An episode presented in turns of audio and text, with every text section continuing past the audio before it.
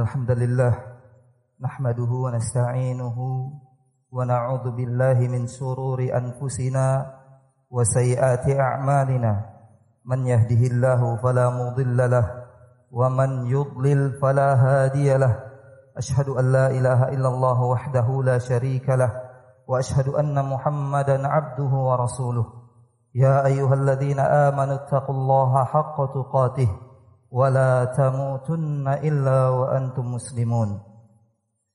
يا أيها الناس اتقوا ربكم الذي خلقكم من نفس واحدة وخلق منها زوجها وبث منهما رجالا كثيرا ونساء واتقوا الله الذي تساءلون به والأرحام. إن الله كان عليكم رقيبا.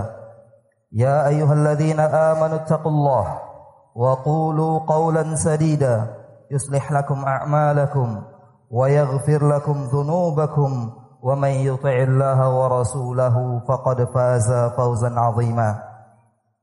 أما بعد اعلموا فإن خير الكلام كلام الله تبارك وتعالى وإن خير الهدى هدي محمد صلى الله عليه وسلم وشر الأمور محدثاتها فإن كل محدثة بدعة وكل بدعة ضلالة وكل ضلالة في النار. أيها الناس أوصيكم ونفسي بتقوى الله جل وعلا. قال الله تبارك وتعالى ولقد وصينا الذين أوتوا الكتاب من قبلكم وإياكم أن اتقوا الله وإن تكفروا فإن لله ما في السماوات وما في الأرض وكان الله غنيا حميدا أيها المسلمون sidang jemaah Jumat yang mudah-mudahan dirahmati dan diberkahi oleh Allah Subhanahu wa taala. Tiada kata dan ucapan yang pantas untuk mengawali majlis dan khutbah ini kecuali ucapan puja dan puji serta rasa syukur kehadiran Allah tabaraka wa taala.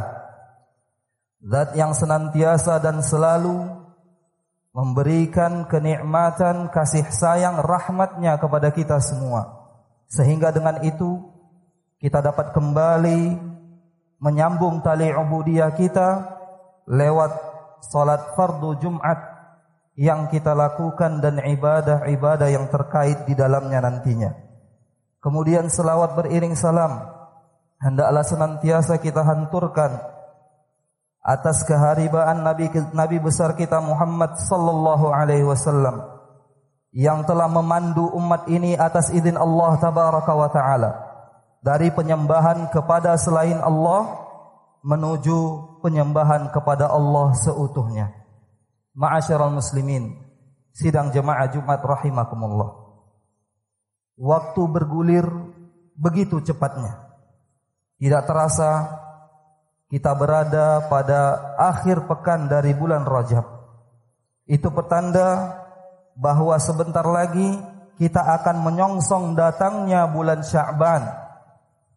Oleh karena itu, pada khutbah Jumat kali ini, kita akan menjelaskan beberapa keutamaan dan apa saja yang dilakukan oleh Nabi sallallahu alaihi wasallam untuk mengisi hari-hari beliau di bulan Sya'ban tersebut.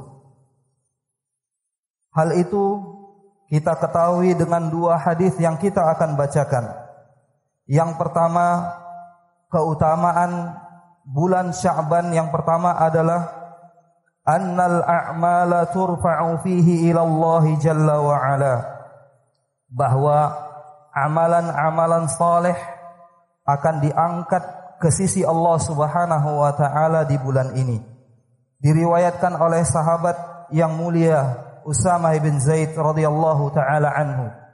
Beliau berkata, "Qultu ya Rasulullah, lam araka tasumu syahran syahran min asy-syuhur ma tasumu min Sya'ban." Qal, "Dzaka syahrun yaghfulu an-nasu anhu baina Rajab wa Ramadan." Wa huwa syarh wa huwa syahrun turfa'u fihi al-a'malu ila ila Allah rabbul rabbil alamin fa uhibbu an yurfa'a amali wa ana sha'im rawahu Ahmad wan Nasa'i wa sahhahahu Ibnu Khuzaimah dari Usamah bin Zaid radhiyallahu taala an dia bertanya kepada Nabi sallallahu alaihi wasallam bahwa aku tidak pernah mendapatimu wahai Rasulullah engkau berpuasa satu bulan penuh seperti apa yang engkau lakukan pada bulan Sya'ban. Usamah bin Zaid tidak mendapati Nabi sallallahu alaihi wasallam berpuasa sebulan penuh di luar bulan Ramadan kecuali puasa yang dilakukan oleh Nabi sallallahu alaihi wasallam pada bulan Sya'ban. Lalu Nabi berkata kepadanya, "Dzalika syahrun Bulan Sya'ban tersebut merupakan bulan yang banyak dilupakan oleh manusia karena posisinya berada di antara bulan Rajab dan bulan Ramadan. Dan dia merupakan bulan yang amalan-amalan soleh diangkat ke sisi Allah Subhanahu wa taala padanya. Maka aku sangat menginginkan ketika amalanku diangkat ke sisi Allah Subhanahu wa taala sedangkan aku dalam keadaan berpuasa. Hadis riwayat Ahmad, Nasa'i dan disahihkan oleh Ibnu Khuzaimah rahimahumullahu taala. Yang kedua, kathratu siyamin Nabi sallallahu alaihi wasallam fi. Banyaknya Nabi sallallahu alaihi wasallam melakukan ibadah puasa di bulan Sya'ban tersebut sebagaimana yang dituturkan oleh Aisyah radhiyallahu taala anha beliau berkata lam yakun an-nabiy sallallahu alaihi wasallam yasumu syahran aktsaru min sya'ban fa innahu kana yasumu sya'bana kullah rawahu al-bukhari dari Aisyah radhiyallahu taala anha wa ardhaha Tidaklah Nabi sallallahu alaihi wasallam pernah melakukan puasa sebulan penuh di bulan-bulan yang lain kecuali bulan Ramadan sebanyak apa yang beliau lakukan di bulan Sya'ban. Maka sesungguhnya Nabi sallallahu alaihi wasallam berpuasa secara sebulan penuh di dalam bulan Sya'ban tersebut. Dalam riwayat lain Nabi sallallahu alaihi wasallam berpuasa di bulan Sya'ban illa qalila kecuali sangat sedikit sekali beliau tidak tidak melakukan puasa di dalamnya. Ma'asyara al-muslimin sidang jamaah Jumat rahimakumullah.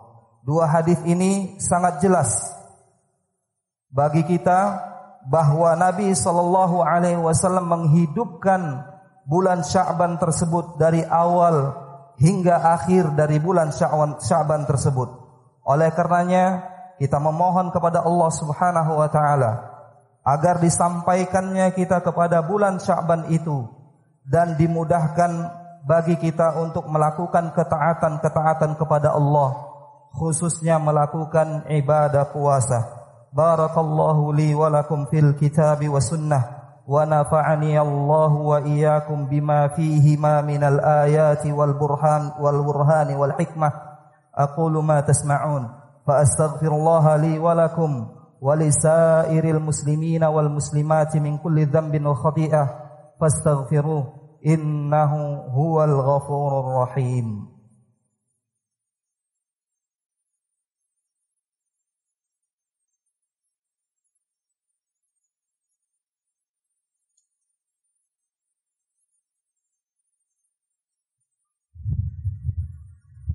الحمد لله الحمد لله الذي هدانا لهذا وما كنا لنهتدي لولا أن هدانا الله. أشهد أن لا إله إلا الله وحده لا شريك له وأشهد أن محمدا عبده ورسوله صلى الله عليه وعلى آله وأصحابه ومن سار على سنته واقتفى أثره إلى يوم الدين وسلم تسليما مزيدا أما بعد. Ma'asyiral muslimin sidang jemaah Jumat yang mudah-mudahan dirahmati dan diberkahi oleh Allah tabaraka wa taala.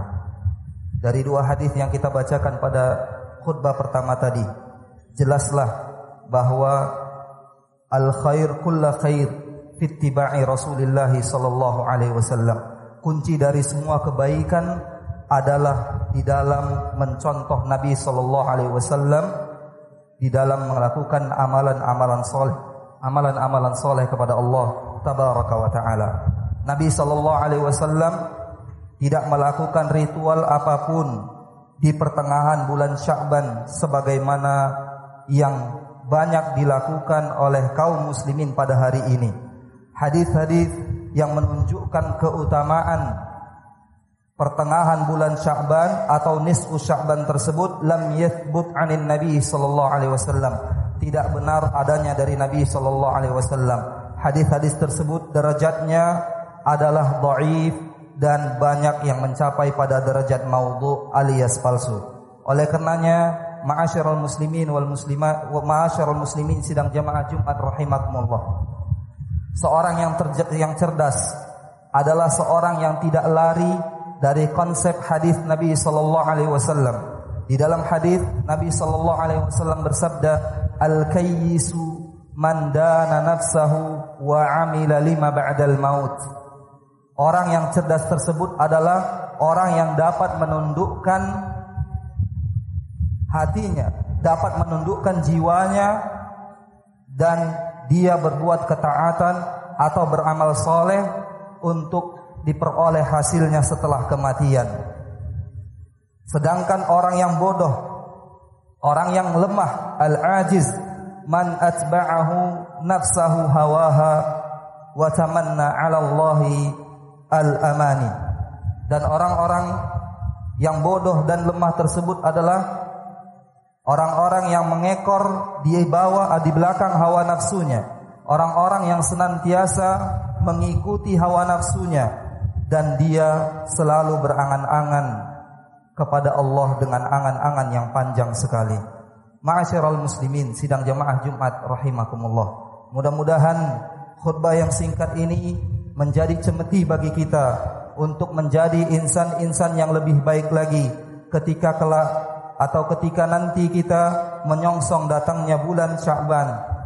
Kemudian ketahuilah bahwa Allah Subhanahu wa taala amarakum bi amrin badaha bada'a fihi bi nafsihi malaikati qudsihi wa thallatha bikum ayyuhal mu'minun. Faqala ta'ala qawlan karima إن الله وملائكته يصلون على النبي. يا أيها الذين آمنوا صلوا عليه وسلموا تسليما. وقال صلى الله عليه وسلم من صلى علي صلاة واحدة صلى الله عليه بها عشرا. اللهم صل على محمد وعلى آل محمد.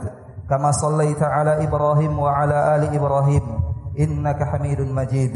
اللهم بارك على محمد وعلى آل محمد كما باركت على إبراهيم وعلى آل إبراهيم إنك حميد مجيد. اللهم اغفر للمسلمين والمسلمات والمؤمنين والمؤمنات الأحياء منهم الأموات إنك سميع قريب مجيب الدعوات. يا قاضي الحاجات اللهم آمنا في وطننا. واحفظ إمامنا وولي أمرنا ووفقه لما تحب وترضى ولما فيه صلاح العباد والبلاد. اللهم انصر المستضعفين من المسلمين في كل مكان. يا قوي يا عزيز اللهم عليك بأعداء, بأعداء الإسلام والمسلمين.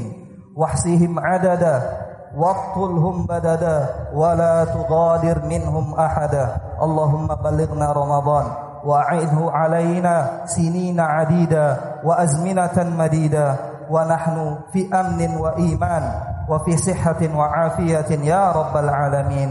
اللهم إنا نسألك الهدى والتقى والعفاف والغنى. ربنا آتنا في الدنيا حسنة وفي الآخرة حسنة وقنا عذاب النار. وصل اللهم على نبينا محمد وعلى آله وصحبه وسلم.